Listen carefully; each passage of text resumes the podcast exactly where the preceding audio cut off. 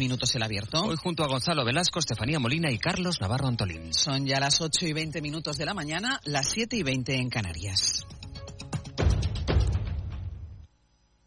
Cadena Ser Catalunya. Cultura a un clic. Esports a un clic. Actualitat a un clic. Entreteniment a un clic. Torna a escoltar. Torna a escoltar. O descobreix contingut exclusiu al web de Ser Catalunya. sercatalunya.cat Allà on vagis, Ser Catalunya t'acompanya. Escolta Ser Catalunya en directe des de qualsevol lloc amb l'aplicació de la cadena Ser. Ser Catalunya. Som a tot arreu. Som al teu costat. Descarrega't l'app de la SER i busca Ser Catalunya.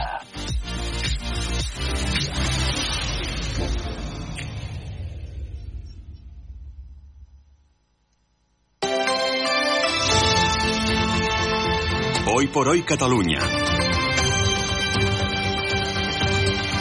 Sergi López. Què tal? Molt bon dia. Avui comencen formalment els actes que han posat en marxa Ràdio Barcelona i la cadena SER per celebrar els seus 100 primers anys de vida, que són els primers 100 anys de la ràdio a tot l'Estat. Una gala que presentarà aquest vespre Andreu Buenafuente obrirà aquesta celebració del centenari que es complirà el proper 14 de novembre, just 100 anys després que Ràdio Barcelona fes la seva primera emissió. Però a aquesta hora també estem molt pendents de les mobilitzacions que des d'ahir al matí estan protagonitzant els pagesos catalans a diferents punts clau del país. Ara de seguida connectarem amb la Berta Artigas a la P7, però abans...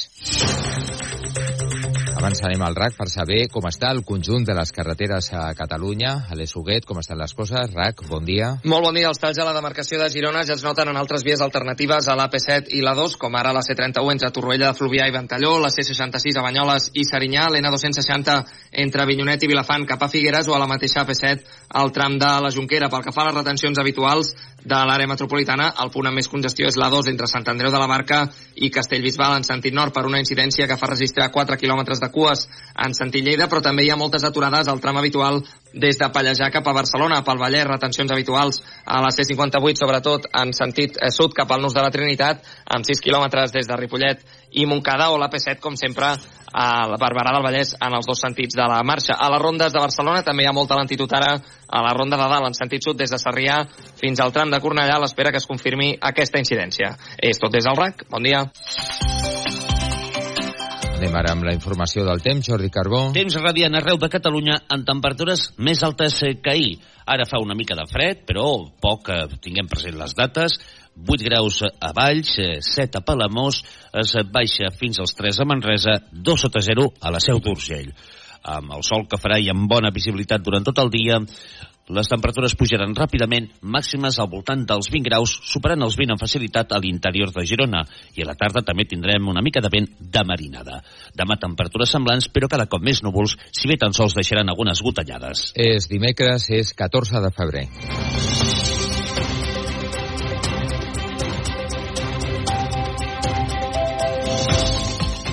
Us dèiem, connectem ara amb la P7, allà hi ha la Berta Artigas. Berta, què tal? Bon dia. Doncs no és possible de moment aquesta connexió, però continuem amb les notícies i continuem parlant de la situació que hi ha en aquests moments a Catalunya com a conseqüència d'aquestes protestes que estan protagonitzant els agricultors i els ramaders. Carles Couso, què tal? Bon dia. Hola, bon dia, Sergi. Doncs, Per, com... Pere Aragonès uh, urgeix a Pedro Sánchez que atengui les reivindicacions de la pagesia. El president de la Generalitat ja li ha enviat una carta traslladant les demandes del sector Uh, de moment, el govern garanteix no augmentar la burocràcia, però Aragonès reclama a Sánchez que es rebaixi el preu del gasoil d'ús agrícola, que es modifiqui la cadena alimentària, que es faci tot el possible per acabar amb la burocràcia, com dèiem, i que es proposi l'entrada en vigor del quadern digital. És Patricia Plaja, portaveu. Es posposa l'entrada en marxa de qualsevol tràmit nou que depengui directament de la Generalitat i batallarem perquè el que ja vam aconseguir fa uns mesos, que s'aplacés l'entrada en, vigor, la posada en marxa d'aquest quadern digital fins al 2025, s'allargui fins al 2026.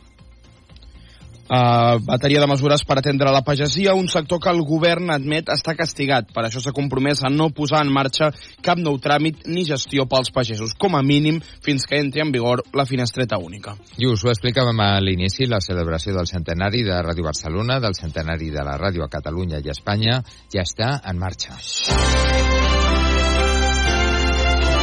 Ràdio Barcelona. 100 anys. Aquesta és la veu de l'actriu Emma Vilarassau, que serà la veu del centenari a Ràdio Barcelona i de la SER a Catalunya. I hem estrenat també la sintonia que ens acompanyarà durant tot aquest 2024.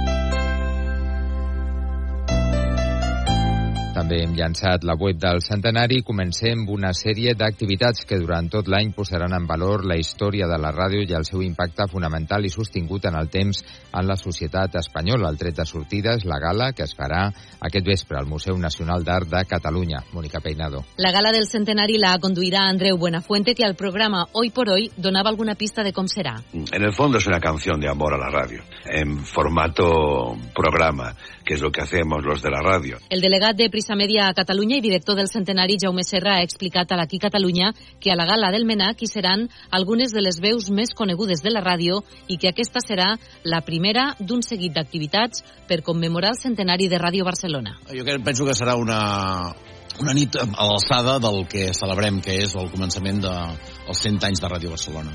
Jaume Serra també ha anunciat que s'està fent el primer documental sobre Toreski que es podrà veure a la tardor a CaixaForum Plus. Hoy por hoy Catalunya.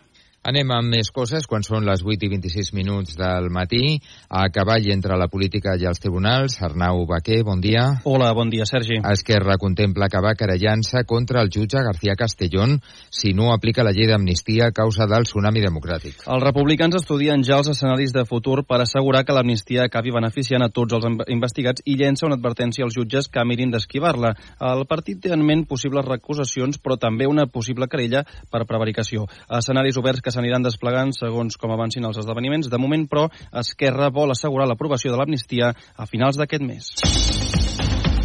I l'informe del grup de treball sobre l'impacte de la Covid-19 a les residències admet que es van produir errors, tot i que no exigeix responsabilitats a cap dels dirigents que estaven al capdavant de les conselleries de Drets Socials i Salut. Aquest matí les conclusions de l'informe es presentaran al Parlament. Conclusions a les que ha tingut accés Ser Catalunya i que passen per establir un model d'atenció centrada en la persona i repensar el servei d'atenció domiciliària. Document que també recull que es necessita més coordinació entre el sistema social i sanitari sanitari, més reconeixement de les víctimes, però també dels professionals i un millor sistema d'inspecció de les residències, a més d'exigir que es compleixi la llei de dependència. Són algunes de les conclusions del grup de treball d'anàlisi de l'impacte de la Covid-19 a les residències. Conclusions, perdoneu per, per la tos, conclusions que tiraran endavant amb els vots del PSC, Esquerra i Junts. Comuns i CUP asseguren que són conclusions fa, fa, fluixes, poc valentes.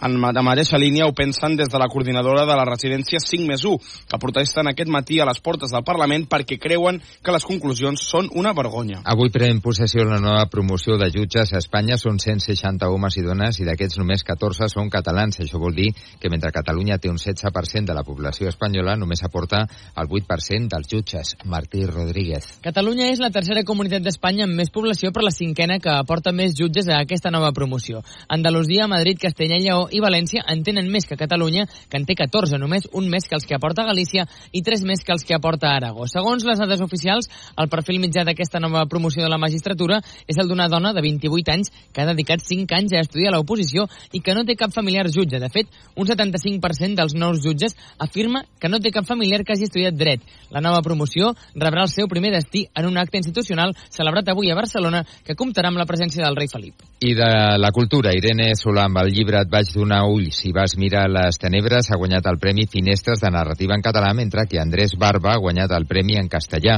per El último dia de la vida anterior. Els dos guardons tenen una dotació de 25.000 euros. Irene Solà ha parlat de la seva novel·la. Tot i que està plagada d'aquests personatges fantasmagòrics i el fantasma és aquesta figura que no té cos, aquesta figura que no es pot tocar, aquesta figura que no es pot veure.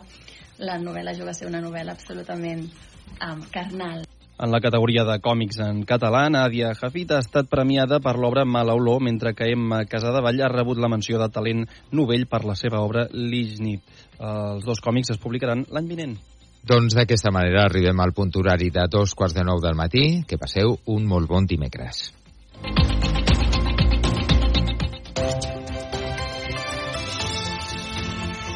En la cadena Ser, hoy por hoy, con Ángeles Barceló.